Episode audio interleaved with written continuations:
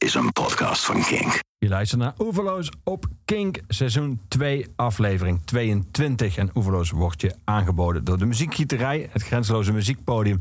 En mijn gast vandaag hier in Oeverloos is schrijver Martijn Simons. Martijn, welkom. Dank je. Fijn dat je er bent. We gaan het uitgebreid hebben over en praten naar aanleiding van jouw nieuwe roman, De Hollandse Droom. En we gaan muziek draaien, muziek uit jouw eigen CD-kast of Spotify afspeellijst of waar die ook vandaan komt. Dat is het meer. Hè? Dat is het meer, ja, waarschijnlijk. Eh, en muziek, daar wil ik graag mee beginnen, die jij in het begin eh, van je boek aanhaalt.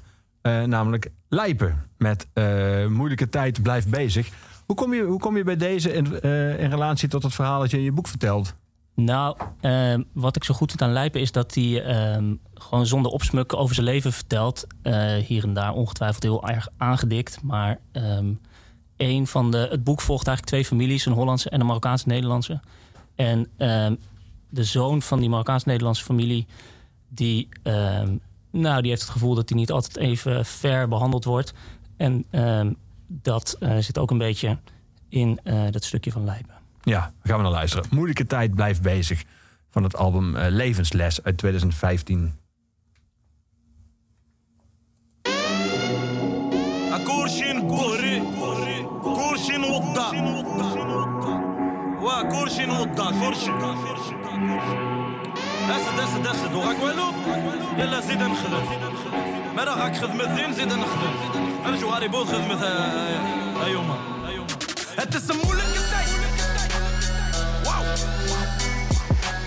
Het is een moeilijke tijd. Het is een moeilijke tijd. Wow. Het is een moeilijke tijd. Ah, lijpen. Ja, ja, ja. Money komt zomaar binnen. Wat weet jij van die dingen? Ik weet niet wat je doet, ik heb hyena's die rippen. Heb je goud in je huis? Gaan ze even naar binnen. Naar binnen. Worden ze gepakt, dan gaan ze even naar binnen. Je ziet hoe we klimmen, pen op papier als je printen. Ik was met schapbuurt, we zaten zwart in de sprinter. Ik stunt in de zomer terwijl ik wacht op de winter. En Scoto blijft onderzoeken, ze denken dat ze wat vinden. Ben niet eens in de feit, zet ze geeft me de tijd. Kom alleen met me praten als je berekent met mij. Fucking 9 tot 5, dat is geen leven voor mij. Je zit met niks in je zakken en weer een weekje voorbij. Begin een klapper te slaan, begin je stappen te maken. Al die slapende honden hoef ik niet wakker te maken, want dan is alles voor mij. Straks is alles voorbij. Je bitch luistert lijpen, moeilijke tijd. Boze ogen, maar ik heb niet eens mijn doelen bereikt. Hater, je kijkt me aan alsof je moeder me pijpt. Doe haar de groeten van mij. Soms leg ik op stapels, maar vaker obstakels. Toch leg ik wat op tafel, doe geen moe voor de zijn. Wat bedoel je, ik zijn? Je lacht in mijn gezicht, maar voel je mijn pijn? Die gesprekken met je bitch maken je moeder niet rijk. En welke mat die ga je vinden in die moeilijke tijd? In deze moeilijke tijd. Het is een moeilijke tijd. Het is een moeilijke tijd. Het is een moeilijke tijd. Niemand van je vindt. In deze Nederlandse scene hoef je niet boeiend te zijn. Kan niet in zee gaan met jullie, hoe wil je roeien met mij? Ik ben daar in OV of in MD bij Pieter. En mijn Roffa boys op liters, ik bedoel geen Bacardi. Als je trekt moet je schieten, jij hebt vuur, ik benzine. Jij kijkt zuur, want we vliegen in de golf met Jarky. Ik doe dit voor die boys die tussen muren verdienen. Heb je niks, hoor je niks, anders gluren we stiekem. Die dat is wat we verliezen. Ben ik met smij, zeg ik smij, wees alleen op je brieven. Maakt niet uit wie je bent, ben op de straat al bekend. Ik had geen wakkie, maar ik tankte, kon niet staan bij de tram. Het verschil moet er zijn, niet iedereen is op dood. Jij roept zwijgrecht in je trek, maar ben je stil op bureau? Die mannen willen me dood. Ik zag het al lang, ik wees alleen voor Allah. En verder ben ik niet bang.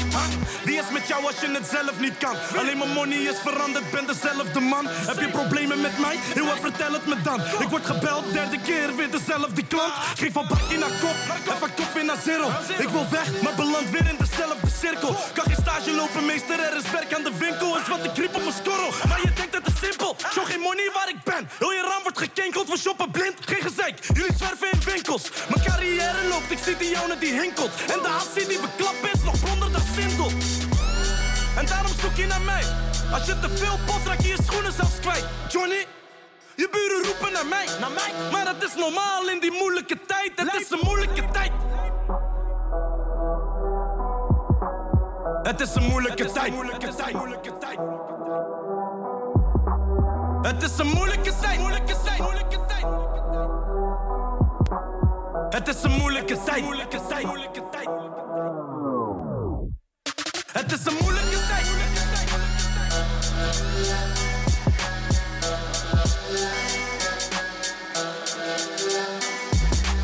Het is een moeilijke tijd.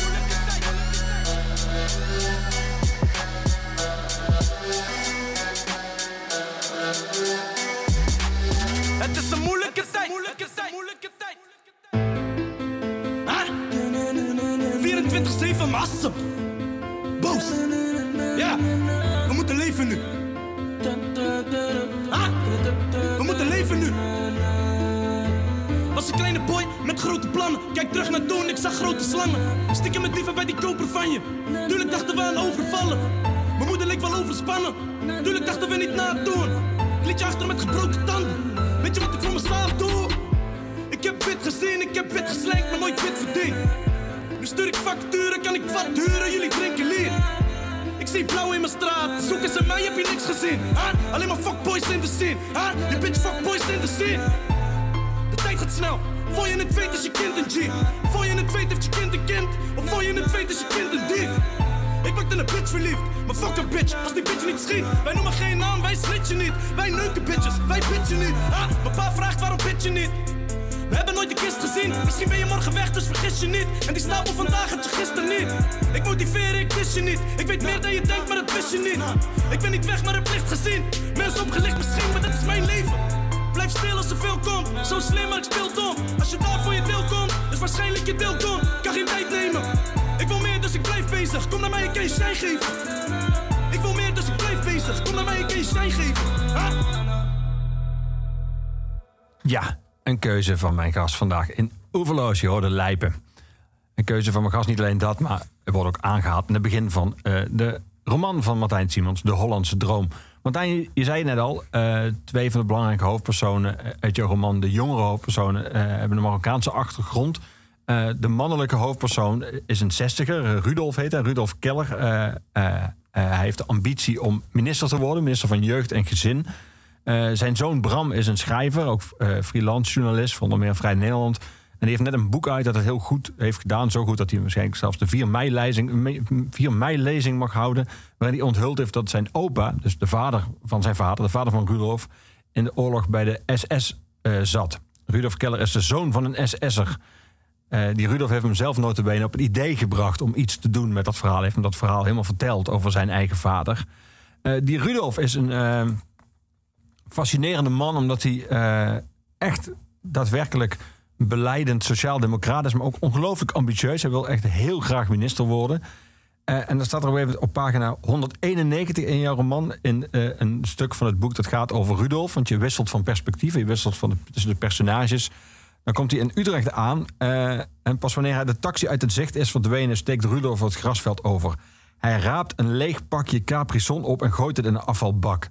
Vond ik wel een heel fraai detail van zo'n brave burger die dan Ja. denkt: oh, daar ligt iets, dat hoort niet. Ja, ja dat is. ehm, hij denkt, als ik het opraap en weggooi, dan eh, hebben andere mensen er geen last van. Dan maak ik het leven van een ander misschien net iets beter. Ja. Ja. Hoe kwam die, hoe kwam die Rudolf in jouw hoofd tot stand? Deze eh, zeer ambitieuze, eh, interessante man met al zijn innerlijke conflicten en zijn tegenstrijdigheden. Nou, ik wilde eigenlijk een hoofdpersoon die geobsedeerd was door het goede.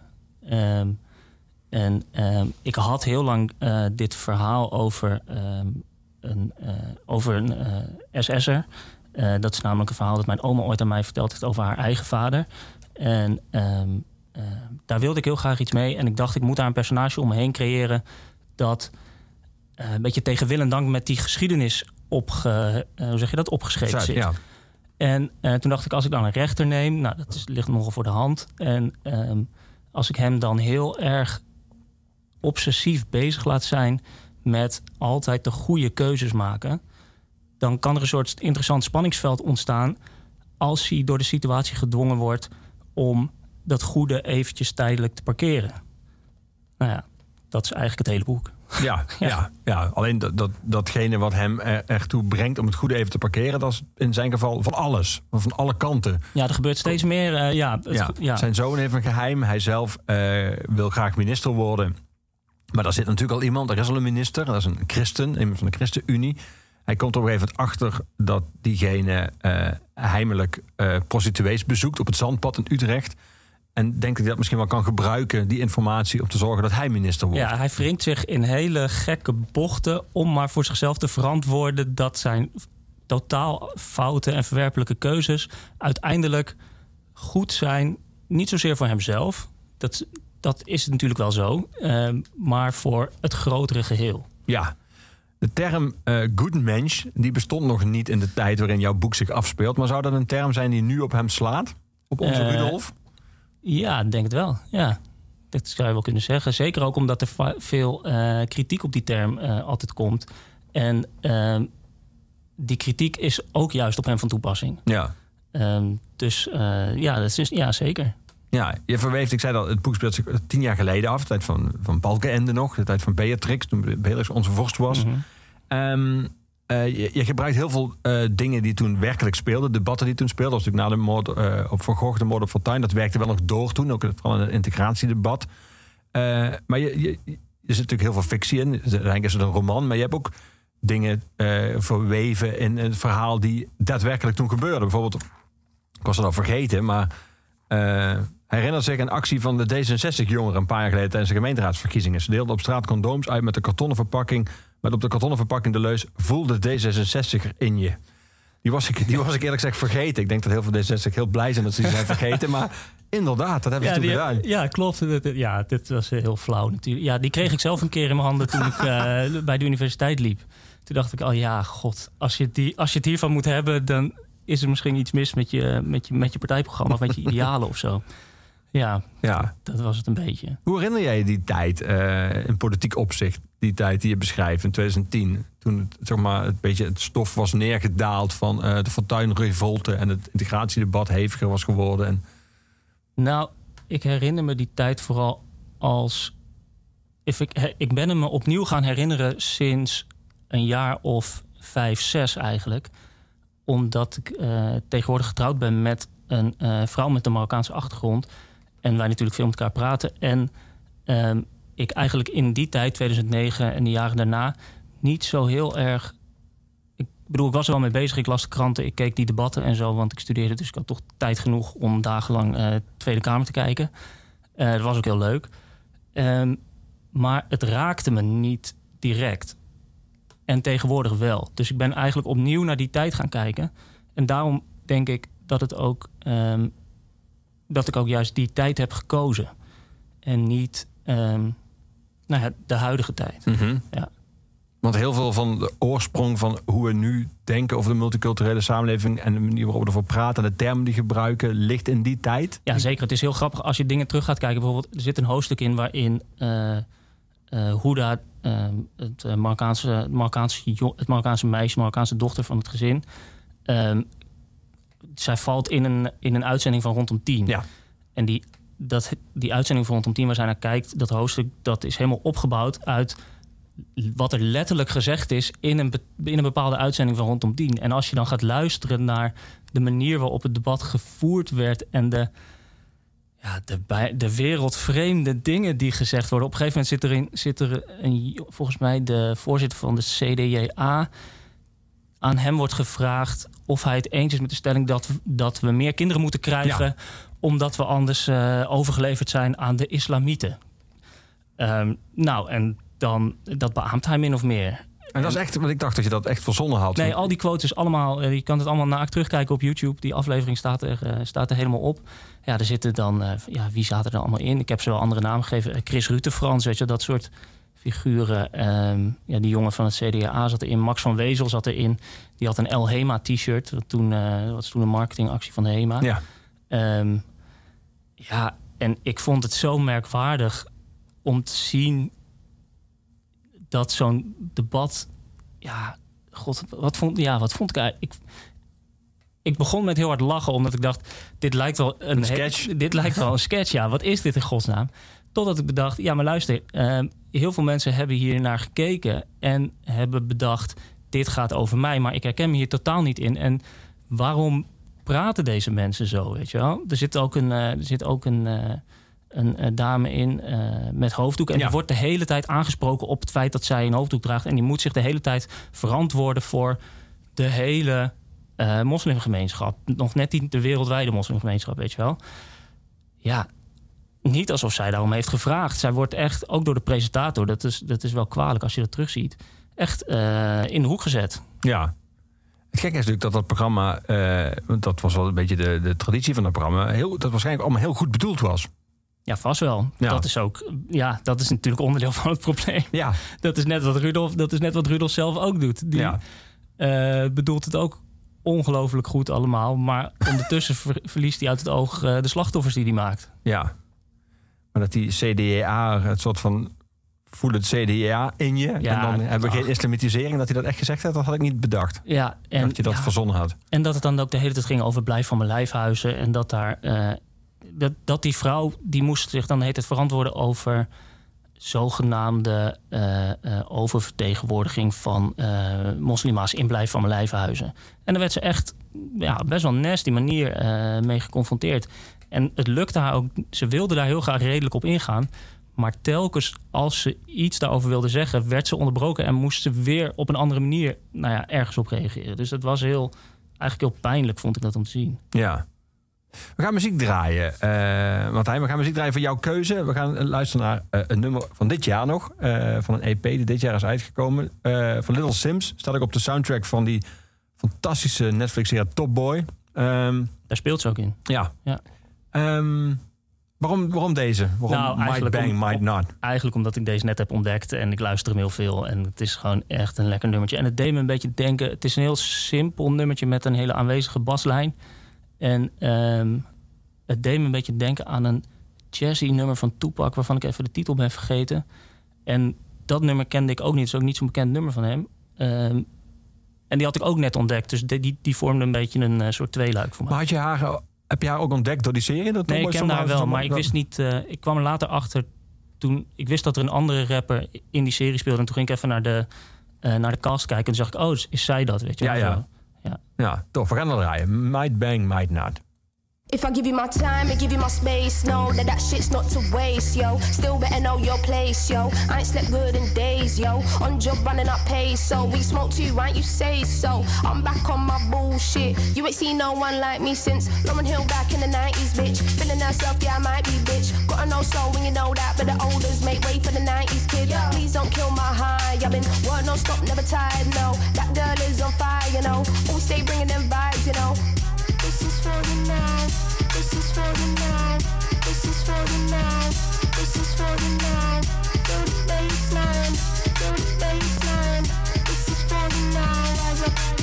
I give you my love and give you my truth, No, that that shit's just for you. Can't nobody be meddling through. I'm paid now when I got shit to lose. Look at where we are. Who would have guessed who knew? I did, that's for sure. I kicked down the doors. They try not let me in. Fuck that, I crushed the party. Fuck that, I am the party. Don't get me started. I am a one woman army. I am the force that will speak of. What's a wave to a tsunami? True, my drip enormous. Your tap running out, talk about awkward. My thoughts hella distorted, but got my foresight. I was moving forward.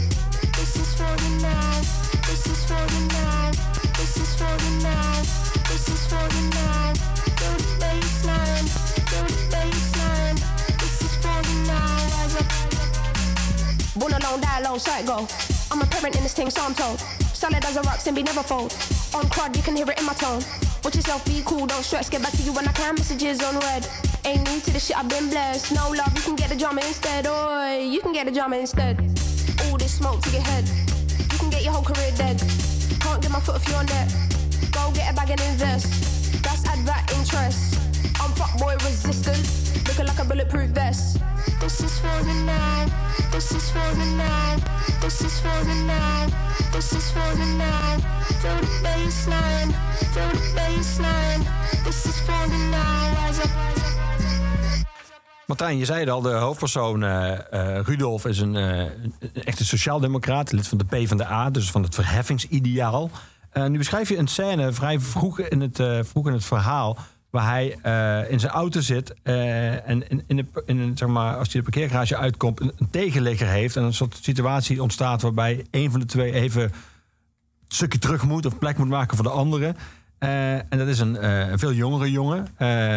Eh, Ehm, en op de een of andere manier zit er heel veel in die scène qua lading van de wereld van, eh, de wereld van Rudolf en de wereld van veel jongere mensen met een andere achtergrond. Eh, die jongen is heel, eh, vindt hij brutaal en heel zelfverzekerd. En hij, hij lijkt er een beetje bang voor. En je schrijft dan pas wanneer hij tegen een koffieautomaat aan de hal geleund staat. Dus als hij eenmaal die scène is geweest, zijn hoofd op zijn arm luistert naar de geluiden van de machine terwijl hij zijn best doet om rustig adem te halen en zijn hartslag naar beneden te brengen.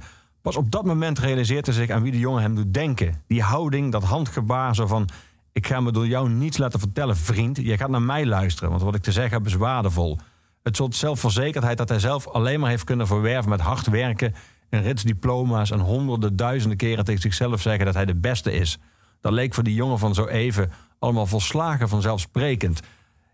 Ik vond het heel fascinerend, omdat hier echt duidelijk twee werelden... bijna letterlijk botsen eh, in een auto. Maar het, het, het grote ideaal van een sociaaldemocraat als Rudolf is natuurlijk dat, dat die wereld uiteindelijk één worden. Dat hij die jongen kan opheffen naar zijn wereld. Of dat hij zich helemaal kan inleven in de wereld van die jongen. En jij beschrijft eigenlijk dat dat altijd twee werelden zijn die, waar altijd een enorme afstand tussen bestaat. Ja, ze staan, uh, ze staan tegenover elkaar. En uh, wat je niet vertelde, niet dat het ergens, maar um, ze, uh, ze, komen elkaar tegen op een helling. Ja. En Rudolf staat uh, achterover. Dus hij is, is al automatisch een beetje in het defensief. Ja. En hij, er zit iets in van een um, um, soort gevoel van mijn dagen zijn geteld. Mm -hmm. um, die jongen die is, nou ja, die is zo, uh, zo zelfverzekerd. En die ja, komt zit zo, in een snelle Audi zit hij ook. Precies, die komt zo bij de hand op hem over dat hij denkt... Hey, hij, zou bijna, hij zou bijna tegen hem willen zeggen wie denk je wel dat ik ben? Ja. Weet je wel? Weet je niet dat ik Rudolf Keller ben? Dat ik um, degene ben die er min of meer voor gezorgd heeft dat jij deze houding kan aannemen.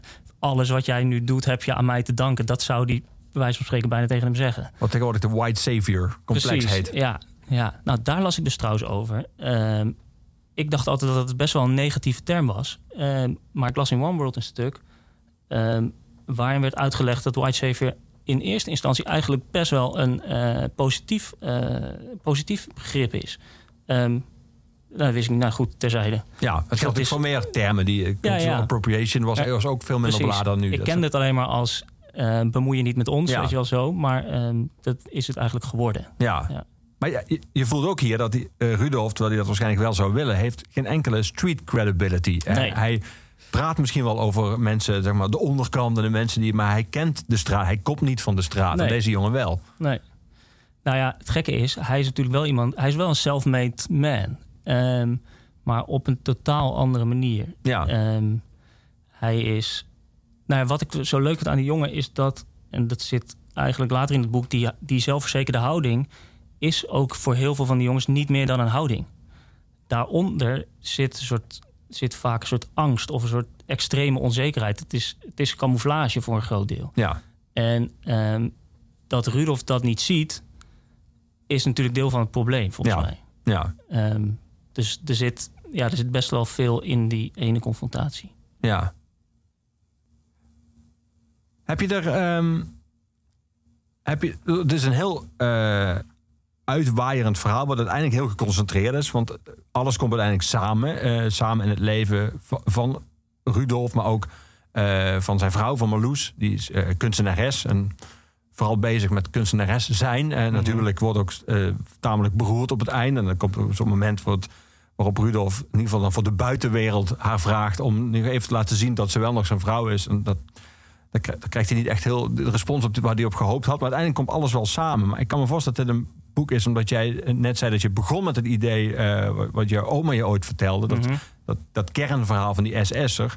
eh, dat is maar één van de ingrediënten in- uiteindelijk in het boek. Wel Ja. veel, veel- heel bepalend, maar en die zet heel veel in beweging. Maar er komt veel meer samen. Dus ik, dit, dit lijkt me een boek wat langzamerhand veel groter is geworden. Zou ik me kunnen voorstellen dan je misschien zelf in eerste instantie had gedacht. of, Ehm, gek genoeg niet, want Oh. ik wilde juist een heel groot en eh wijdlopend verhaal schrijven... met eh, een verhaal dat verteld wordt vanuit verschillende personages. dat wist je in het begin al. Dat wist ik in het dat- begin. Ja, ik, wi- ik wist in het begin eh, dat ik dat verhaal had, wat, eh, dat verhaal van mijn oma. En dat ik het wilde laten vertellen door drie personages. En ik had ook nog twee andere soort belangrijke dingen waarvan ik wist dat die er op de een of andere manier in moesten.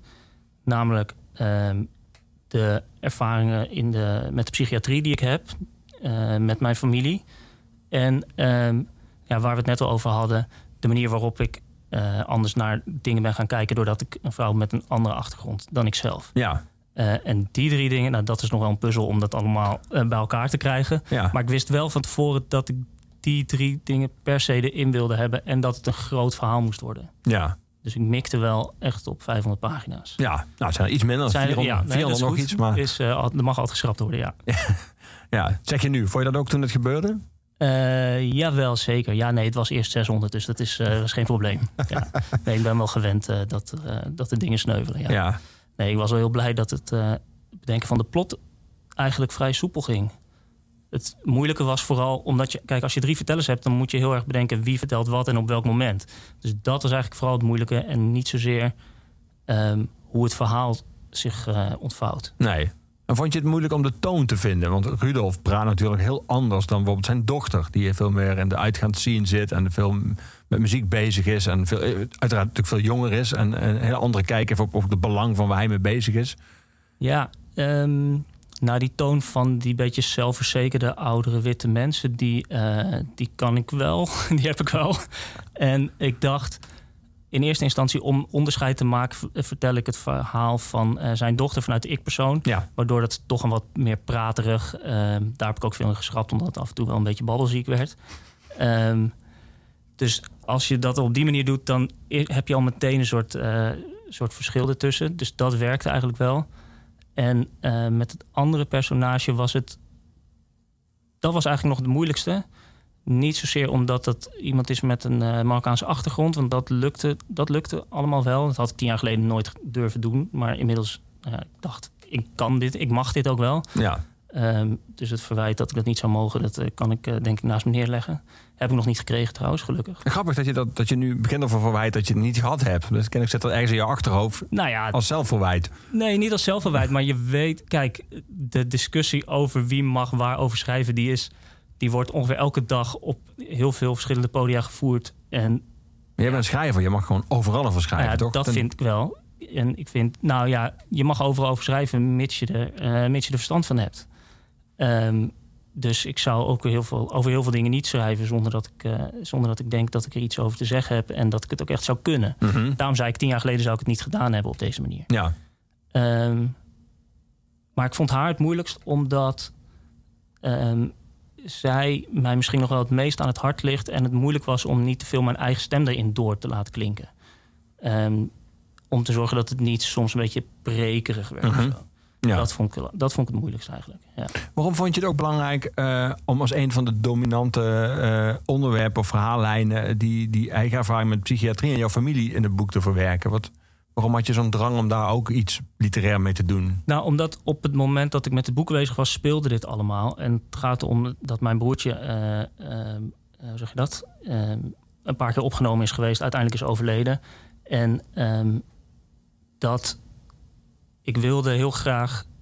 Kijk, ik wist al dat het gezin van Rudolf uit elkaar zou vallen. En ik wist ook dat ik heel graag wilde schrijven over de muziekscene in Amsterdam, de elektronische muziekscene in Amsterdam. En ik had ook wel dingen gezien uit de tijd dat ik daar zelf een beetje in rondliep. Dus dat paste heel goed bij, dat, uh, bij die psychiatrische lijn. Uh, dus daardoor wist ik van, oké, okay, ik ga die twee... dat heeft verder niks met het verhaal van mijn uh, broer te maken. Maar ik wist, ik wil die twee heel graag bij elkaar brengen. En dat kan ik dan weer heel mooi uh, koppelen aan hoe gaan verschillende gezinsleden daarmee om. Die vader gaat er anders mee om dan die moeder. Ja. En die broer gaat er ook weer anders mee om. En dat zorgt voor heel veel spanning in dat gezin. En nou, dan heb je dus een soort, nou, dan heb je denk ik wel een spannend literair gegeven. Ja, dat zeker. Ja, dat is ook al gebleken. Ja. Ik kan me ook kunnen voorstellen dat je bij sommige verhalen dacht... dit verdient bijna een eigen boek. Uh, dus die haal ik eruit, want die, die, moet, die, die moet zijn eigen roman krijgen. Um, nee, maar ik kan natuurlijk altijd nog een soort satellietboek schrijven... waarin een van, de, een van de lijnen extra uitgewerkt wordt. Ja. ja. Kennen natuurlijk allemaal de term The American Dream. Het grappige is dat je daar ook meteen iets bij kan voorstellen. heb je meteen dat beeld van die... Dat zijn natuurlijk ook van deel, clichés. Misschien zelfs van een groot deel van de, de krantenbezorger... die miljonair werd, et cetera. En jezelf omhoog werken. En de arbeidsethos en uh, de Amerikaanse waarden. Uh, maar jouw roman heet De Hollandse Droom... Ik heb niet meteen een beeld bij wat dan de Hollandse droom is. Um, is er een soort universele Hollandse droom, denk jij? Nou, dat weet ik. Nee, dat denk ik niet. Maar als je weet dat het. ehm, dat een van de hoofdpersonen een bevlogen sociaaldemocraat is, dan kun je er meteen wel veel meer bij voorstellen. Ja, zeker. Het was ooit gewoon de werktitel, omdat ik dacht. Ja, je moet eh, de map waar je al je hoofdstukken in zet op je computer een naam geven. En eh, mijn uitgever zei toen: Ja, maar dit is eigenlijk gewoon wel een lekker, een beetje een arrogante titel. Laten we het gewoon doen. En ik had ook we hadden ook geen betere titel. En, eh, Dit is een hele goede titel. Het is, het is Maar- ook een hele goede titel, ja. Maar het is wel een titel waar ik over nadacht en dacht van... dit- Het grappige is, bij jouw hoofdpersoon kun je meteen voorstellen dat hij een droom heeft. Maar dat, die heeft dan ook een, een uitgesproken politieke signatuur. Ik zou me bijvoorbeeld bij... niet, niet om nou lullig kritisch te doen over onze premier... maar eh, bij Mark Rutte heb ik niet bijvoorbeeld het beeld van... eh, wat dan zijn Hollandse droom is. Of zo. Nee. Nee, we zouden het moeten vragen. Nee, ja, ik, eh, nee, geen idee. Maar ik denk dat voor dit boek belangrijk is dat, ieder, dat ieders droom een andere is. Mhm. En ehm, ook, nou, st- sterker nog, stel dat die dromen hetzelfde zijn, niet iedereen gaat, gaat hem verwezenlijken. Ook al doen ze er precies hetzelfde voor. Er zijn altijd andere mechanismen die spelen. Er zijn altijd andere dingen die ervoor zorgen dat je eh, niet komt waar je het liefst wil zijn. En voor de een is dat. ehm, nou, de een vindt meer obstakels dan de ander. Ja. En nou ja, als je dat koppelt aan het sociaal-democratische verheffingsideaal, het idee van een maakbare samenleving, et cetera, dan is het heel wrang om te zien, denk ik, dat eh, nou ja, dat, dat zo is. We gaan muziek draaien. We gaan een, eh, een Japanse pionier, een ambient pionier... die in 2003 is overleden, draaien. Eh, kun je iets over hem vertellen? En over het nummer Dance PM hebben we nog ja, het geluisterd. is, eh, het is een. ehm, ja, wat, ja, hij was. ehm, eh, hij werkte voor een Japans bedrijf. ehm, dat, eh, hij was audio-engineer. Mhm. En in zijn vrije tijd maakte hij muziek. En ja, ik vind het zelf hele prettige, eh, rustige, kabbelende muziek. Eh, waar ik veel naar heb geluisterd. Niet zozeer tijdens het schrijven, want dan heb ik altijd stilte. Maar wel in de periode dat ik schreef. En dan Als je schrijft, als je echt eh, zeg maar, aan het schrijven bent, is het stil in huis. ja, om je heen. Ja, ehm, als ik thuis zit is het stil. En als ik niet thuis zit... Ik heb heel veel van dit boek eh, op de universiteit geschreven... omdat ik daar geen internet had. Dus dan zat ik dan tussen, in de bibliotheek tussen de, tussen de studenten. En dat was, was hartstikke goed. Je hebt jezelf weerhouden van Ehm, prikkels. Ja, nee, dat werkt, dat werkt echt goed. Ehm, ja, en dit is... Deze muziek kun je gewoon rustig ehm, op de bank liggen... en de dag even over je heen laten komen. En ehm, ja, ik ben, eh, ja, ik ben er steeds meer liefhebber van geworden eigenlijk. Ja, Hiroshi, Yoshima, Yoshimura. Yoshimura, Ja. ja. In 2003 overleden. Heb je hem, eh, heb je, heb je hem ontdekt voordat hij, eh, heb je ontdekt toen hij er nog was? Nee, pas een paar jaar geleden toen stuitte ik op een, op een verzamelaar met Japanse ambient uit de jaren 80. En daar stond hij ook op. En toen ben ik, toen ben ik een ander nummer van, de, van dit album stond erop. En toen ben ik een beetje naar zijn eh, andere dingen gaan luisteren. Ja, toen zat ik een beetje zo'n ambient eh, fase. Ja. Ja. Die is over, begrijp ik? Nee Of- hoor, ik luister ja. het nog steeds. Ja, zeker. Ja. Ja. ja, ik vind het echt heel mooi. Het is, eh, het is, heel, het is zo simpel en tegelijk... ja, ga het maar maken, weet je wel. Ja. Ja. ja. Maar als jij, ik heb wel een beeld dat jij op de universiteit in jouw boek zit te werken. Dus ook geen muziek op, geen koptelefoontje op. Dan werd je niet afgeleid door gepraat om je heen. Nee, juist niet, want eh, dat geroezemoes is juist... eh, ja, dat is een beetje de achtergrondmuziek. Ja, ja. Dat werkt, dat werkt eigenlijk wel. Ja. Ja. Dance PM, zo heet het nummer. We gaan er luisteren.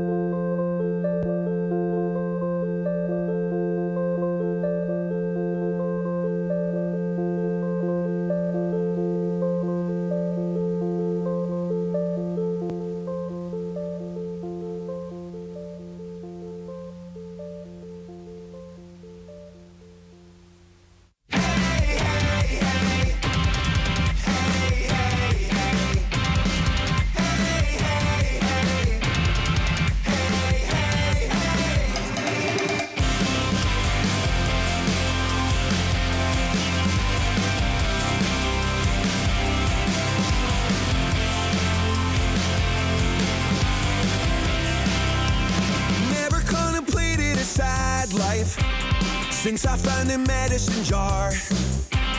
Now I can ignore all my troubles. I don't think I have the heart. This weight is crippling, this weight is crippling me.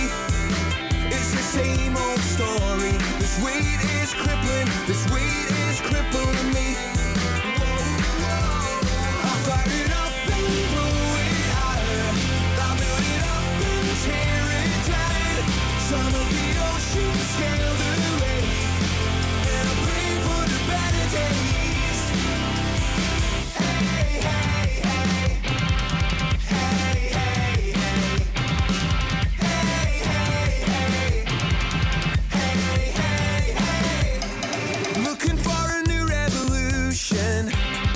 This one didn't get very far. I never want to spoil an illusion. Abracadabra.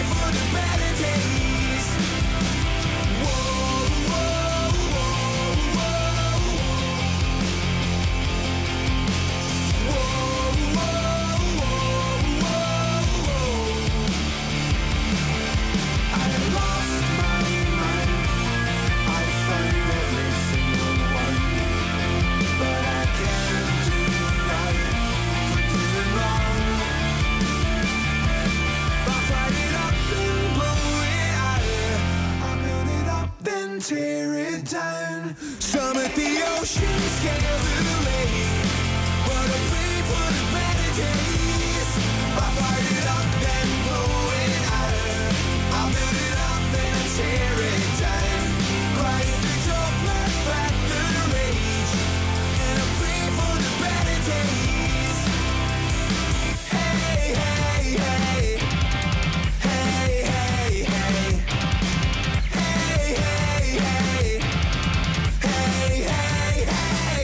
Ja, je hoorde de laatste nieuwe single van Biffy Clyro hier in Oeverloos met Martijn Simons. Martijn Evie, de eh, dochter eh, van, eh, van Rudolf en Marloes, die ehm, zit heel erg in de muziek scene, maar die heeft zelf wel zeg maar, moeilijkheden met ja, psychische moeilijkheden, zou je kunnen zeggen. En op een gegeven schrijft zij bij een gesprek met haar, met haar moeder, die een beetje bezorgd is. Ik voel me prima, 100% in orde. Dan zegt ze, ik steek mijn duimen in de lucht. Maar ze zag er de humor niet van in. En dan zegt ze, voor de grappen moet je, moest je bij mijn vader zijn. Benieuwd hoe dat ging als hij minister was. Humor en politiek vormden geen goede combinatie. Eenduidigheid, dat wilden ze van je. Geen half ironische, fijnproeverscommentaar. Je zou maar verkeerd begrepen worden. Net als ik. Ik werd de hele tijd verkeerd begrepen. Nu weer. Ehm, die zin van haar eh, dat humor en politiek geen goede combinatie vormen. En dat je als je in politiek actief bent, dat je maar beter een soort van vierkant kan zijn. In plaats van allerlei ironische twisten kan hebben. Ehm, is dat een gedachte die jij zelf aanhangt? Of is dat hoe jij dat ervaren hebt? Of? Nou, dat is. Het is jammer dat het zo is, denk ik. Maar het, het is ook een beetje onvermijdelijk, want je kunt niet. ehm, ik denk dat ironie in de politiek niet zo heel goed werkt. Je zou kunnen Ehm. zeggen dat. Ik schat op basis van ons gesprek tot nu toe in dat hij niet helemaal politiek in jouw li- lijn ligt. Maar dat iemand als Thierry Baudet. Dat bijna, en zeker iemand als Theo Hiddema is bijna opgetrokken uit ironie en kwinkslagen. En Ja, ik moest, daar, ik moest daar ook meteen aan denken. Maar het probleem daarbij is, is dat ze het gebruiken als muur om zich achter te verschuilen. Ehm, dus dan werkt het weer precies de andere kant op. Ja, Maar in, over het algemeen, kijk, je kunt niet in een, in een.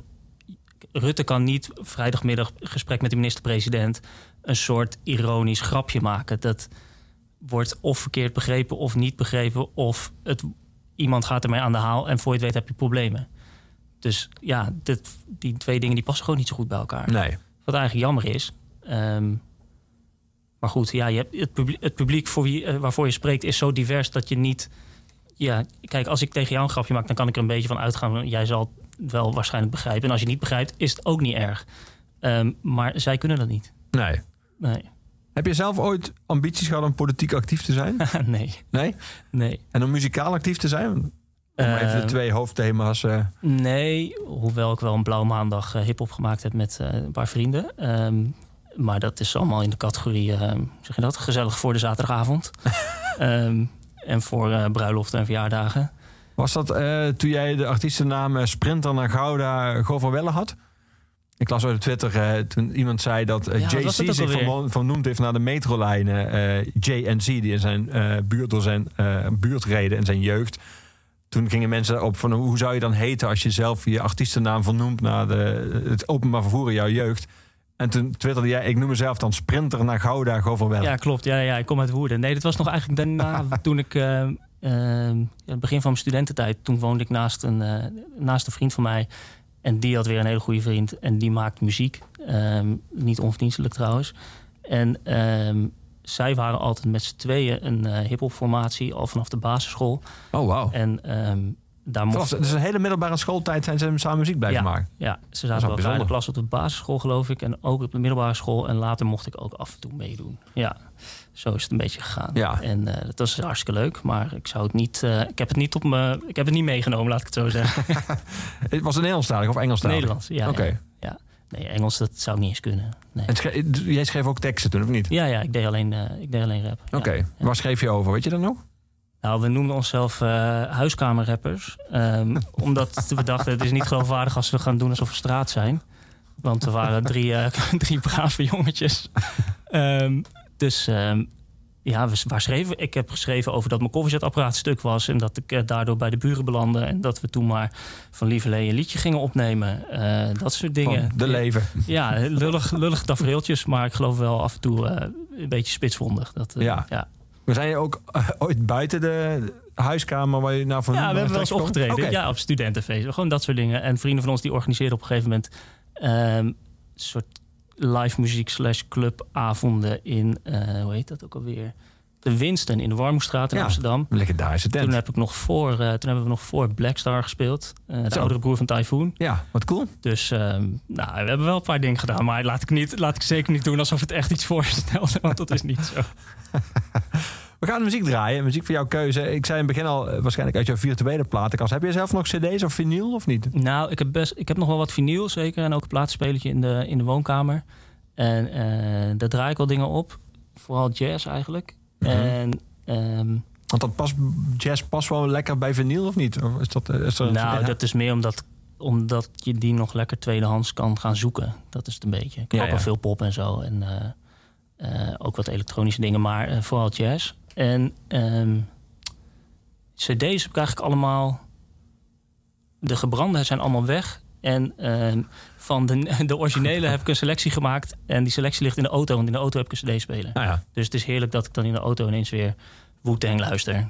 Dus een autolijst, jij, dus vooral oudere dingen. ja, Ja. zeker, ja. Retro tripjes. Ja, en dan is de, heeft de, de CD-collectie van mijn vrouw, die zit er ook bij. Dus dat is dan, eh, ja, ja, dat is echt wel leuk. Ja. Dingen die je anders niet zo snel eh, meer opzet, eigenlijk. We gaan naar Heralds of Change luisteren. met het nummer Spotted. Eh, kun je er iets over vertellen? Over deze... Ja, ik wilde dit laten horen omdat in het boek gaat Evie, een van de personages, die zit De- heel erg precies in de, in de elektronische muziek zien. En dit nummer is geloof ik uit 2007 of 8. En ehm, dat was de tijd dat ik met diezelfde twee jongens met wie ik muziek maakte ook. Ik had, dat was de enige tijd dat ik dacht. Ik bevind me nu in een soort select gezelschap, een soort voorhoede van eh, kenners van een bepaalde elektronische muziekstroming. Het was een beetje de tijd dat ehm, mensen als Flying Lotus opkwamen. Ehm, Heralds of Change is een project van twee, twee mensen, Mike Slot en Ja. Hudson Mohawk, die super bekend is geworden voor heel veel geproduceerd heeft, Kanye en zo. Ja. En ehm, dat was precies in die tijd dat die soort van trippy, avant-gardistische beat scene vanuit LA naar Nederland kwam. En ook heel veel met eh Rush Hour, die platenzaak in, eh, in Amsterdam, omging. Ehm, en wij volgden toen alles. Je had toen, eh, je had toen een radioprogramma, Viral Radio. van Juha en Cinnamon. En zij organiseerde ook avonden en zij haalde al die artiesten naar Nederland. Waar waren die avonden dan? Eh, soms in het Bimhuis, als het wat experimenteler was. En ze hadden ook clubavonden in Trouw. En eh, ze hadden dan ook in de verdieping, dat was dan de kelder van Trouw. Daar kon je dan als, eh, als eh, amateur, amateur-producer kon je, je eigen tapejes geven. En dan gingen ze die dan draaien. En die jongen over wie ik net vertelde, die deed het dan ook. En dan gingen wij daar heel... Dan, alleen al het horen van je muziek op zo'n systeem is al fantastisch. Ehm, dus dat was echt, de, dat was denk ik twee jaar of zo dat ik dacht... Maar een cool concert, ik zat even nog na te denken. Maar wist je ook niet wanneer jouw track kwam. Nee, dus je stond de hele avond bij de dansvloer. Opeens hoorde je je eigen... Ja, nou, dat was dan eigenlijk een soort in, in de bijzaal. Het was niet. Ja, ja, eh, nou. ja. en de, volgens mij de meeste mensen die er waren, waren vrienden van. En degene die dan hun eigen muziek hadden Ik merk ingestuurd. dat je er erg voor waakt om niet je muzikale verdiensten te groot te maken. Deze programma. Nee, ja, straks krijg ik dit te horen. Kom ik thuis en dan is het, oh, ik wist niet dat je een carrière ernaast had. Weet je.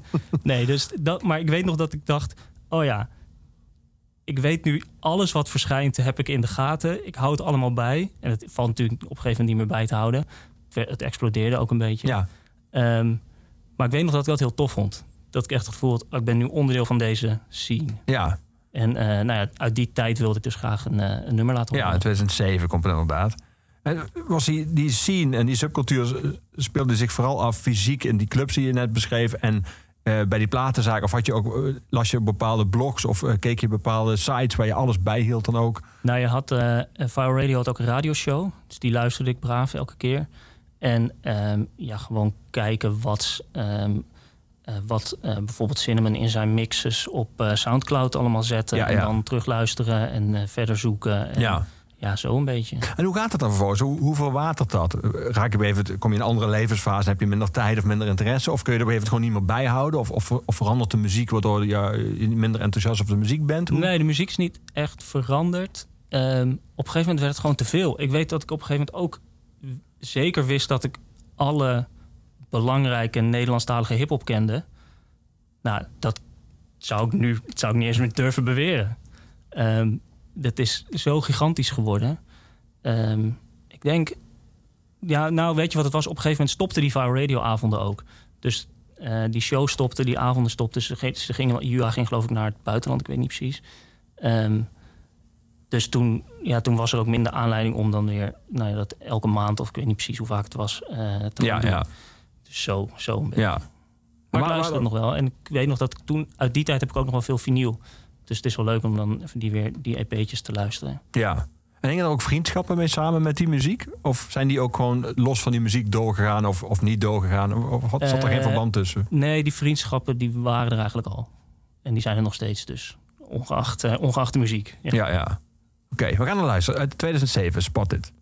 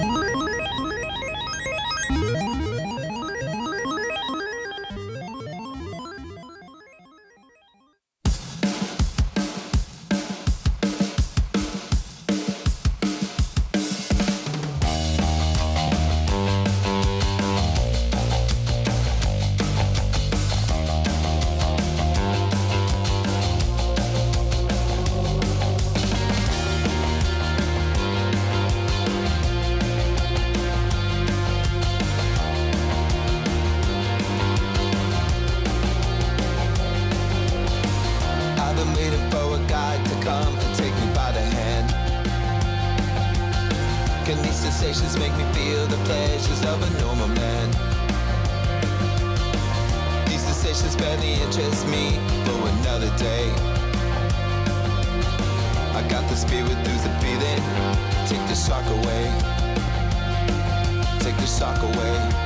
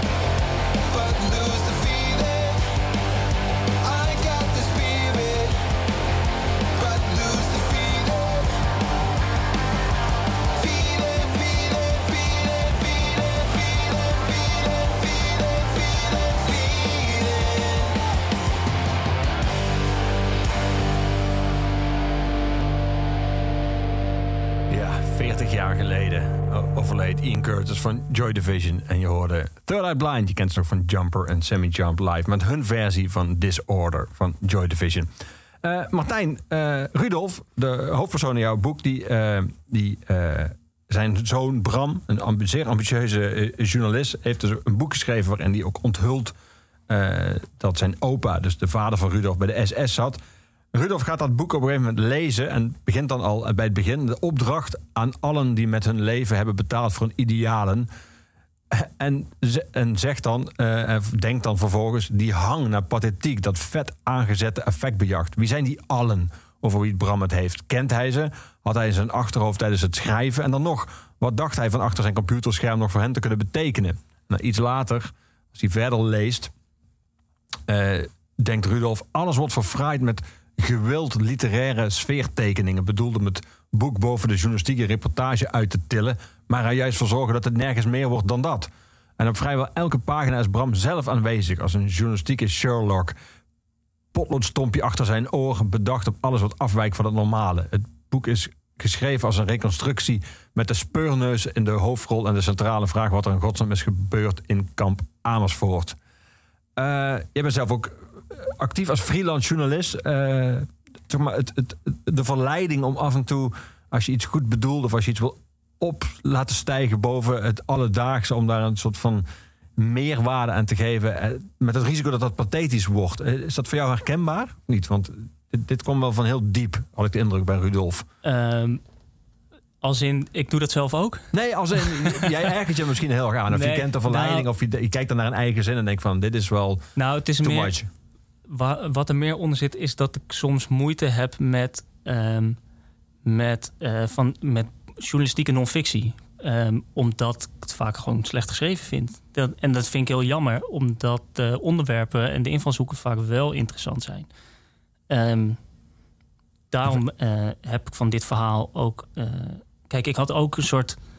Ik had zelf ook het boek kunnen schrijven dat Bram geschreven heeft. Ja, maar dat heb ik niet gedaan.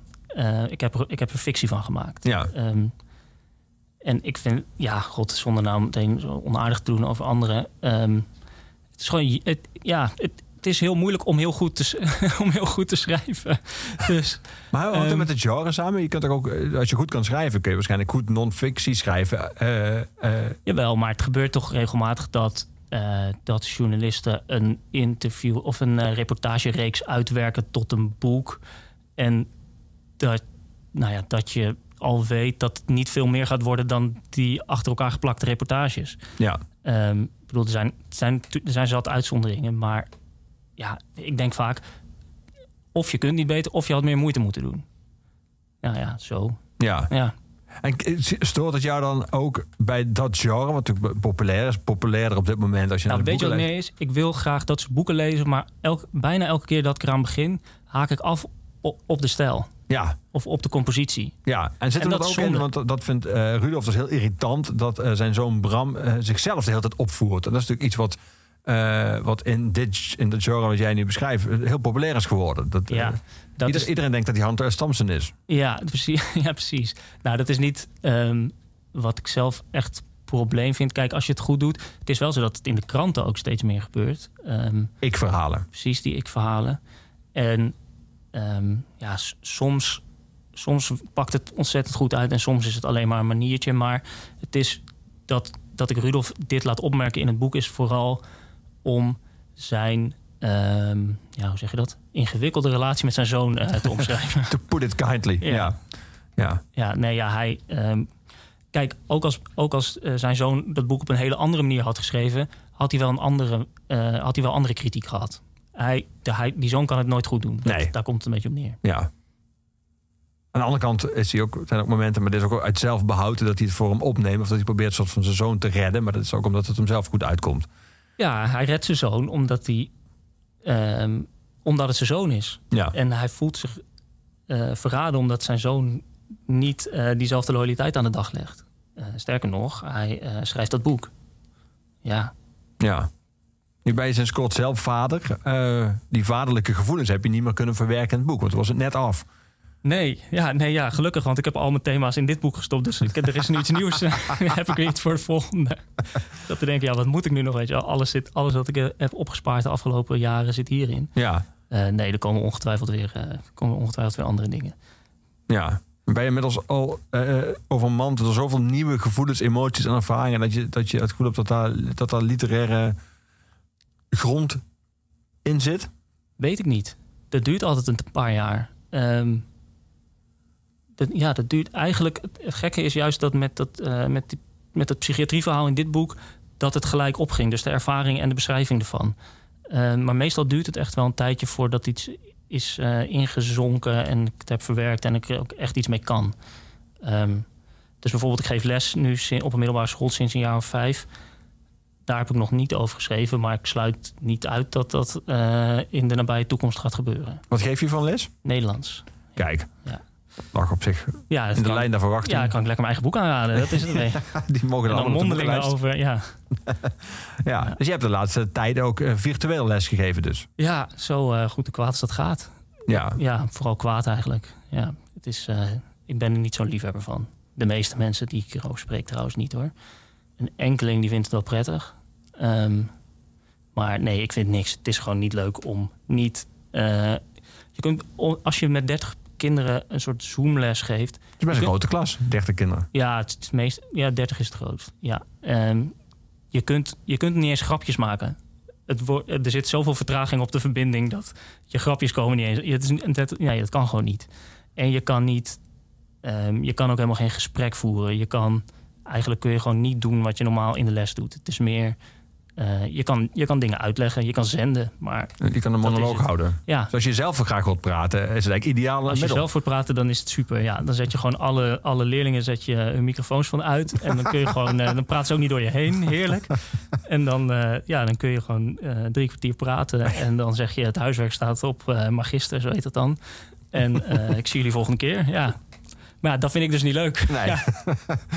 En kon, je, kon je op 30 schermpjes ook zien eh, of zij eh, dan nog op het einde waren? Uh, Nee, al je niet kan- fysiek of... eh, Je kan wel zien, ik moet, eh, eh, hoe zeg je dat? Ze komen als ze jouw les ingaan in de wachtkamer. Zodat je zelf kan zien wie er ook daadwerkelijk. Je moet ze dan allemaal toelaten, zodat er geen ongenode gasten naar binnen kunnen komen. Want dat gebeurt dan de hele tijd. En dan gaan ze de les verstoren en zo.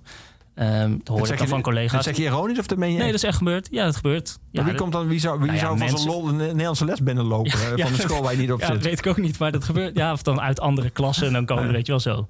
Ehm, dus dan zitten ze er allemaal en sommigen die hebben dan de camera uit. Dus dan weet ik bijvoorbeeld niet of ze er echt zijn en waarom ze eigenlijk de camera uit hebben. Maar ze, het is niet verplicht om die camera's aan te zetten, dus ik kan het ook niet van ze vragen. Dat is ook best gek, want in de klas ben je ook verplicht om niet... te- Je, komt niet, je kunt niet onder een deken de les in komen.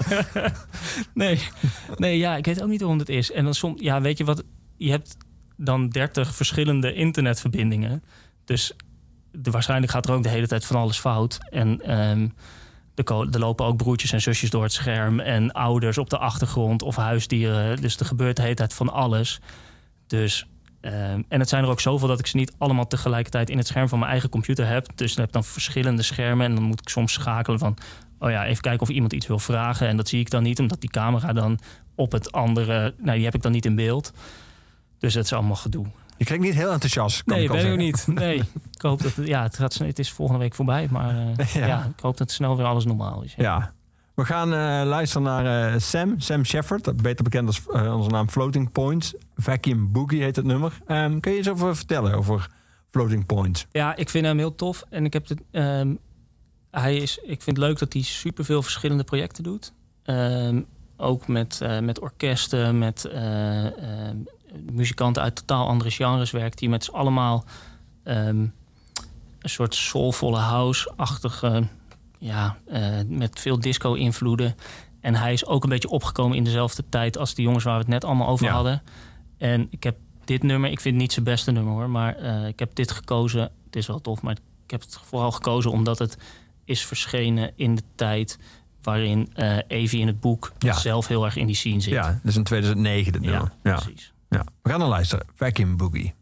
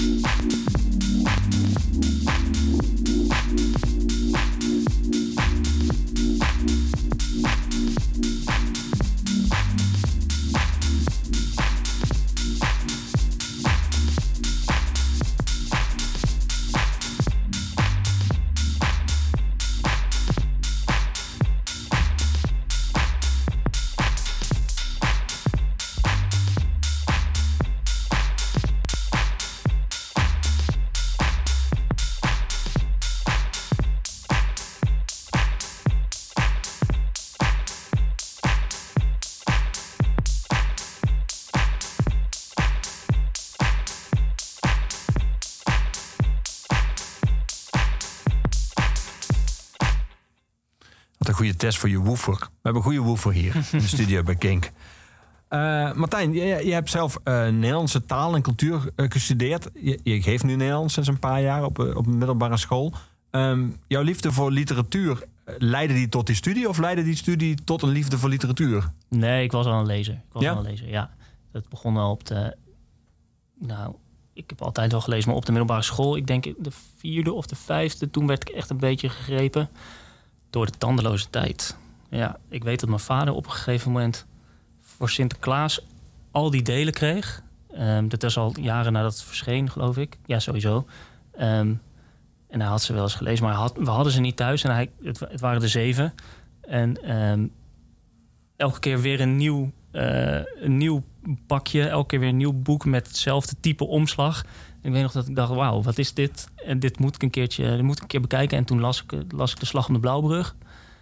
En toen dacht ik, oh wauw, dit gaat over zelfkant. Dit gaat over Amsterdam. Dit is, dit gaat, dit is een gigantisch verhaal. Ehm, de inzet is hoog.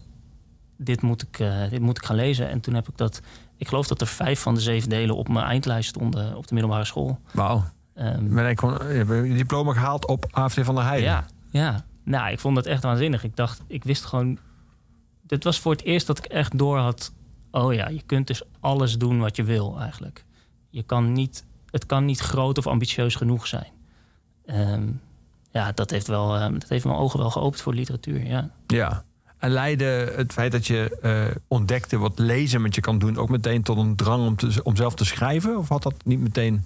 Eh, ja, dat was ook wel een beetje zo. Want ook ongeveer in die tijd, vijfde klas, zesde klas... eh, ging met twee vrienden een tijdschriftje maken op school. En dat mochten we dan stencelen in, de, in de, nou ja, dat hok dan bij ons op school. ja, zo'n hok, weet je wel, met, met veel papieren die nooit meer iemand gaat ophalen. Ehm, elke school heeft zo'n hok. Ja, Ehm, en eh, dat verspreiden we dan in ons jaar. En dat was heel leuk. Ik kon een beetje zelf verhalen schrijven. En ehm, ja, redactietjes spelen ook. En we hadden een e-mailadres. En dan af en toe kwam er een mailtje binnen met iemand die iets wat we geschreven hadden stom vond. En dat gingen we dan afdrukken. En dan zeggen waarom juist dat mailtje heel stom was. Ja, precies dat. Ja, een beetje een soort Propiacurus-achtige Ja. stijl. Ja, jullie waren eigenlijk Twitter voordat Twitter bestond. precies. Ja. ja. Net iets langzamer. Ja. Ja, Nee, dus dat was, eh, dat was in de middel, op de middelbare school. En toen wist ik al... Ik wist al twee dingen. Ik ga Nederlands studeren en ik ga naar Amsterdam. Dat, ik, dat is ook de enige studie waar ik ben gaan kijken. Ehm, dus het was wel duidelijk. had je een beeld van Amsterdam gekregen door dat werk van Van der Heijden ook? Nee, ik wist het al wel, want mijn- mijn moeders familie komt er vandaan. Eh, en we gingen bijvoorbeeld altijd naar de tandarts in Amsterdam. Die hadden mijn ouders sinds ze daar eh, zelf nog woonden en studeerden. En daar gingen we dan altijd heen. En dat was ergens in Zuid op de Koninginnenweg volgens mij. En dat vond ik altijd al leuk. En mijn oma nam ons ook altijd mee naar Amsterdam, naar Tuschinski of zo. En eh, ja, zij vertelde dan ook dingen van waar ze dan zelf gewoond had. En eh, gewoon die verhalen. Ja, Dus ik wilde, ja, dat wilde ik graag. En ik weet nog dat ik het, eh, dat ik het heel tof vond toen ik daar was. Toen Ja. ik kwam, ja. inmiddels woon je in Rotterdam. Ja, sinds Voelde- kort. Ja, was dat... ehm, voelde dat als een groot verlies om Amsterdam voorbij eh, Mm, voor- ja, wel, ja. te zeggen? Een verlies. Of ja, zei je wel een beetje. Of zei je niet vaarwel, maar tot ziens? Nee, ja, sommige dingen... Kijk, het is grappig. De, nu ik er niet meer woon, zijn de dingen die, die ik niet leuk vond... die ga je ehm, eh, uitvergroten. En de dingen die je heel leuk vond, die ga je verheerlijken. Ja, Dus... ehm, die fase zit je nu. Ja. Dus als mijn vrouw bijvoorbeeld zegt: Oh, ik mis het eh, dat we in de buurt waar we nu wonen veel minder groen hebben, bijvoorbeeld. Eh, dan zeg ik: Ja, maar je weet toch wat voor verschrikkelijke mensen er altijd in het park liepen. Ehm, die mensen uit de buurt, wees blij dat we die nu niet meer om ons heen hebben. Dus zo gaat het een beetje. Ja, Ehm, maar ik heb het heel, ja, we hebben het erg naar ons zien hoor, in Rotterdam. Het is ook, het is, ja, het is een hele toffe stad. Ja, het is meer een soort, eh, het is meer acquired taste, denk ik. Er is superveel, alleen je moet het even weten. ja. Amsterdam, eh, in Amsterdam kan je eigenlijk niet de mist ingaan. Wat je ook doet, het- ja, je komt altijd wel goed. In Rotterdam moet je wel iets meer je best doen. Mhm. Maar dat is niet erg. Als jij nu de afgelopen tijd dan eh, op, op eh, 30 verschillende schermpjes, maar nu we inmiddels dadelijk fysiek je leerlingen ziet, ehm, weet dan, je denkt terug aan, aan je eigen middelbare schooltijd en jouw eigen relatie met lezen en met literatuur en met Nederlands.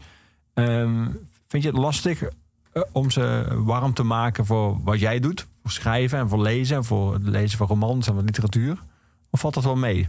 Ehm, ik denk dat het een, ik denk dat het een beetje hetzelfde is. Er zijn altijd kinderen die al van jongs af aan superveel lezen en veel boeken om zich heen hebben. En er zijn ook altijd kinderen die, ja, bestaat dan niet meer. Misschien alleen de telefoongids thuis, weet je wel zo.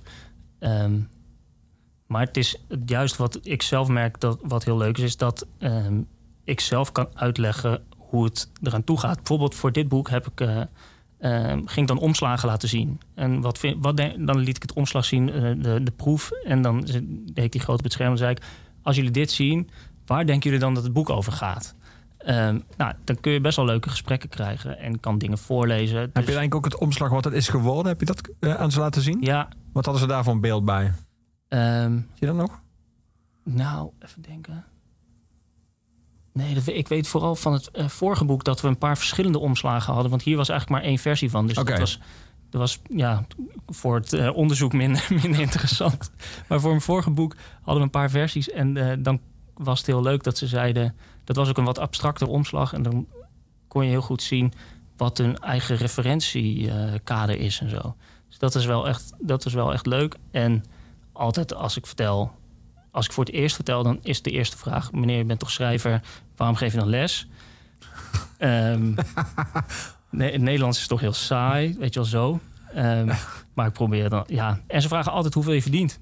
Hoeveel verdient nou zo'n boek? En dan ga ik het helemaal uitleggen. Precies hoe het zit met, eh, met de royalties en voorschotten. En er wil niemand nog schrijver En dan- worden. En ja, precies.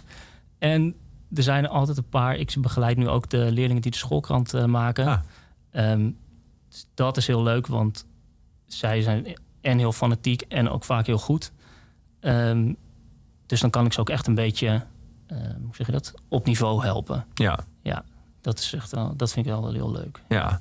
De omslag die dit uiteindelijk is geworden, en dat lijkt dus meteen raak van de Hollandse droom. Zien we, het is een beetje een mooi dromerig beeld qua, eh, qua kleur. Eh, dat je ook de zon een beetje erin ziet stralen. Je ziet twee kinderen eh, zitten, een beetje dromerig voor zich uitstralen op, op, op rotsen. Eh, het zijn jonge kinderen, een jongetje en een meisje. En een meisje zien we frontaal. Eh, en een meisje is net als een jongetje, heeft alleen een broekje aan. Eh, dit, deze cover heeft jou ongeveer je site gekost. Ja, ik heb geen website meer. Althans, ik heb nog wel de domeinnaam, maar hij is niet meer te bereiken omdat het is een Tumblr. En ik had een plaatje van het omslag erop gezet. En bij dat meisje zie je dus een tepel. Ja, even het beeld. Echt- meisje is denk ik vier of zo. Het is eh, schandalig. Ehm, en toen, eh, nou ja, dat was een overtreding van de, van de regels. En sindsdien is mijn site op zwart. En ik ben nu aan het mailen met... eh, Met wie Ja, mail je dan? ja, met met het- Mr. Tumblr. ik, ja, het hoofdkantoor van... Nou ja, ik weet waarschijnlijk is, hebben ze dat ook geoutsourced naar... eh, ik weet niet welk land. Maar ehm, ja, ik krijg nog steeds geen, eh, ik krijg steeds geen bericht. Dus ik heb, mijn site is nog steeds niet eh, online. Nee, maar ik ben goed te bereiken via alle andere kanalen. geen zorgen. Heeft het alleen op je site dat probleem geleid? Of, of is het de, de, de, de Ehm, vrij bizarre preutsheid... of wat het ook eigenlijk is die hiertoe heeft geleid... eh, breekt die ook op andere fronten op? Nou, dat weet ik niet, want eh, de- iemand van de uitgeverij heeft een gekuiste versie gemaakt waar ze die tepel heeft eh weggeshopt. Ehm, en die gebruiken ze nu, geloof ik, op Facebook. Ehm, want Facebook is waarschijnlijk net zo streng. Ja. Dus we hebben voorzorgsmaatregelen getroffen. Ja, nou, ver. Eh, muziek. Laten we maar muziek gaan draaien. Makaya McRaven, eh, Amerikaanse jazzdrummer. Ehm Butterscotch heet het nummer. Hoe ken je hem? ik ken hem omdat ik hem een keertje zag op in Utrecht, Transition Festival. Ik geloof in 2016, denk ik. Oké, toen was dit album net uit in de ja, moment. klopt. Dit komt in 2016. Toen was ik daar met mijn broertje. En ehm, ja, ik kende, ik kende hem nog niet. Ik had, had even het programma gekeken. We gingen erheen. En ik weet nog dat het super tof, heel energiek. ehm, heel, eh, hoe zeg je dat? Heel erg wat zo tof is aan jazz. Samen met alle andere muzikanten was. Hij had ook... ehm, Hoeveel waren ze? Volgens mij waren ze met vijf of zes. Hm. En hij had ook, ehm, hoe heet hij ook alweer, die jongen? Eh, Joel Ross, eh vibrafonist bij zich. Die, heeft ook, eh, die heb ik vorig jaar nog op North Sea gezien. Die heeft nu ook een eigen plaat gemaakt. Die is ook waanzinnig goed. En dat waren gewoon eigenlijk allemaal jongens die eruit zagen alsof ze in een, ehm, alsof ze in een hiphopband zaten. En ehm, zo speelden ze ook. En ik weet van hem dat waar hij bekend mee is geworden, is dat hij grote jam sessies belegt met allemaal muzikanten die hij van over de hele wereld uitnodigt. Ja. Ehm, en dat hij heel veel aan eh, eh, editing doet achteraf. Dus hij gaat allemaal stukken bewerken, noem het allemaal op. Hij laat, hij laat alles in zijn computer en hij gaat er nieuwe dingen van maken. En ehm, Ja, dit is een van die tracks. Het is ook met een vibrafonist, maar een andere trouwens. Oké. Maar grappig dat hij dat live ook, want je zou, sommige mensen, zijn echt, dit klinkt bijna als een soort echt studiodier. Die, al die mensen Ja. ook volgens ga je los, maar op het podium gebeurt het en dat is het ook wat er, dat is ook wat er is. Ja, klopt. Het is wel gek eigenlijk. Ehm, ik weet niet waarom het. Ik weet niet waarom het is. Ik weet wel dat hij ook altijd een gigantische effectenbak bij zich heeft en zo. Dus ehm, hij is wel echt zo'n gear. Ja, Een gearslat heet het, geloof ik. Eh, wat een goede term. Eh, dus eh, ja, nee, en het is zowel, het is zowel hij, hij heeft iets van die, op die studioalbums zit iets van die live vibe. En Ja, dat ja. Is, en dat is eigenlijk heel gek, omdat het zo geproduceerd is. Maar omdat die sessies er allemaal aan de grondslag liggen, ja, hij vangt dat op de een of andere manier. ja. Dat doet hij heel goed. Ja, Ja. tof. We gaan luisteren. Butterscotch heet het nummer.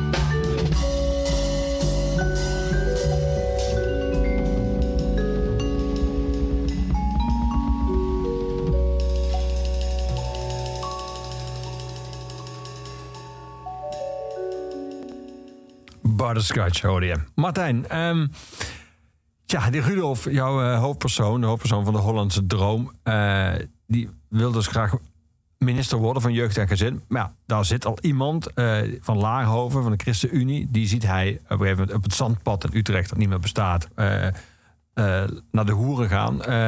En dat kan hij tegen hem gebruiken. Ik zal niet verklappen hoe dat verder afloopt, maar heeft hij nog op andere manieren waarop zijn verleden en dingen die in het verleden gebeurd zijn eh, op zijn pad komen. Hij heeft nog een groot geheim van zijn zoon af te dekken. Ehm, hoe, hoe beoordeel jij uiteindelijk jouw hoofdpersoon? Is het, is, het een, is het een hypocriet omdat hij een ander verhaal houdt voor de bühne dan waar hij zelf uiteindelijk naar leeft? Of is dat gewoon hoe mensen zijn? Dat je het allemaal ook tegelijk kan zijn, goed en slecht en eh, eh, zeg maar sociaal geëngageerd, maar ook egoïstisch. Nou, ik denk dat heel veel mensen zo zijn, maar ik vind hem wel een boef. Ja. En ik vind hem ook helemaal niet per se sympathiek. Hoewel, gek genoeg, anderen hem wel sympathiek... Bijvoorbeeld mijn redacteur, die, ja, die heeft wel sympathie voor hem. Ik snap, ja, dat vind ik nog steeds een beetje vreemd. Ik kan het wel... Ja, ja, Toch echt zelf heb je het toch ontworpen? wat- ja, ik weet ook niet waarom. Maar ehm, nee, ja, kijk. Ehm, ik weet niet wie dat zei. Geloof ik, iemand zei op Twitter, ja. Ik ga liever met. Ik, ik, ik praat liever met PVV'ers, want daarvan weet ik dat ze, eh, eh, dat ze racistisch zijn. dan met eh, van die GroenLinksers die onder de gordel racistisch zijn. Ehm, en hij is dan, hoewel hij een PvdA is, een beetje dat laatste type. Ehm, aan de oppervlakte lijkt het, allemaal, lijkt het allemaal goed en goed bedoeld. Maar daaronder zit een hele nou ja, pijnlijke stroming. Ja. Ja. Ja, en dat, eh, Dat geldt natuurlijk wel voor meer. Dat geldt ook voor zijn zoon. eh, voor Bram. eh, die heeft ook wel, zo- draagt ook zijn geheimen met zich mee. Eh uiteindelijk zou je kunnen zeggen dat de meest gekwelde ziel in jouw boek... eh, misschien wel Evie, dat dat wel degene is die er nog het beste uitkomt als het gaat om dat ze ook eh, bij, zeg maar, Ja, eerlijk Evie is tegen zichzelf Evie over wie ze is. Ja, zij is eigenlijk de enige zonder dubbele agenda. Ja, Ja. klopt. Ja, en ehm, zij, het lukt haar in ieder geval niet om eh, haar leven zo in te richten dat ze kan doen wat ze wil. Zij is eigenlijk ehm, van dat gezin in ieder geval het enige slachtoffer. Het Ja. enige echte slachtoffer. Ja. Ja. Want zo zie je haar wel als een slachtoffer. ja, wel een beetje. Ja, zeker. Want ehm, kijk, zij kiest ervoor om die, om die muziekscene in te gaan. En ze, ik bedoel, ze maakt wel verkeerde keuzes, daar gaat het niet om. Maar ze kiest er ook voor om eh, niet de verwachtingen waar te maken die haar familie van haar heeft. Ja. En ehm, daar slaagt ze ten dele in. Ehm, het gaat een tijd goed totdat het niet meer goed gaat. Ehm, en ja, daar is wel moed voor nodig, denk ik. Om, om op die manier je leven in te richten. Hoewel in haar geval natuurlijk ook geldt dat als het echt mis dreigt te gaan, dat ze altijd kan terugvallen op die familie. Wat die kinderen van het andere gezin bijvoorbeeld helemaal niet kunnen. Nee. Dat is wel het grote verschil. Ja. Ja, Wiens vader uh, onfortuinlijk om het leven is gekomen. ja Ja. stijgerongeluk. Ja. Moest je afkeken van ze? Van al die personages? Ehm, ik denk dat het nog komt, want ik ben er nu nog steeds over aan het praten. Ehm, ja, Tot en- een soort extended family uiteindelijk, neem ik aan. zeker. Ja, en ik heb eh, plannen om met een van hen eh, verder te gaan. Dus ik stel het afkeken nog even uit. Oké. Ja. Ja. Ja. Het is niet je eerste roman, het is wel je eerste roman bij deze uitgeverij, bij Lebowski. Het is wel denk ik je, je grootste in de zin van eh, rijkheid van verhalen en hoeveelheid verhalen. Het is ook, eh, die hebben ook in tegenstelling tot je vorige boek in je eentje geschreven. ja. Eh, hoe beviel dat eigenlijk? Om samen met iemand anders onder een pseudoniem was in dit geval. eh, Simon Simon Kaspers waren jullie samen. Eh, hoe- beviel dat met z'n tweeën een boek schrijven? Hoe moet ik me dat voorstellen? Zit je dan samen achter een laptop? Het was heel leuk. Nee, we zaten, we deden altijd. ehm, we ik kende Casper van eh, de middelbare school, maar we gingen nooit echt met elkaar om. En we kwamen Kasper van de Putten, ja, degene de met wie je het samen schreef. Ja. En ehm, we kwamen elkaar altijd tegen in eh, Café de Eland, wat een tijdje onze stamkroeg eh, is geweest in Amsterdam op de Elandsgracht. En we zeiden altijd, hij, hij zat op de toneelschool, ik zat, of hij was al klaar, ik studeerde Nederlands. En eh, we zeiden altijd, we gaan een keer samen iets maken, want wij waren dan een beetje de enige, echt, de enige creatieve mensen. Dat zeggen heel veel Ehm. mensen tegen elkaar in een café, maar meestal komt daar niks van. Ja, nou ja, volgens mij heeft zijn vriendin, geloof ik, toen aan mijn destijds vriendin gezegd: ehm hoek ze even op met elkaar, dus dan gaan ze echt iets doen. Toen zijn we een keertje bij elkaar gaan zitten.